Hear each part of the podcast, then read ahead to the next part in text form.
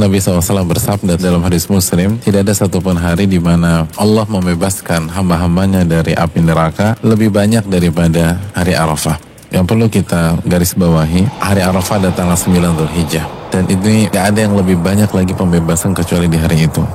Itu kita harus persiapan di tanggal 9 jangan sampai lepas momen ini. Kita bisa beribadah, kita bisa berzikir, kita bisa khususkan hari ini sambil meminta agar Allah SWT membebaskan kita dari siksa api neraka karena kita tahu neraka itu luar biasa mengerikan. Ulama nadijat juluduhum badalnahum juludan ghairaha liyadzuqul azab. Setiap kulit mereka kebakar, kita ganti dengan kulit yang baru agar mereka senantiasa tersiksa dengan azab. Surat An-Nisa 56. Oleh karena itu tanggal 9 Dhul Hijjah ini hendaknya kita maksimalkan doa-doa kita, zikir kita dan harapan kita dijauhkan dari api neraka.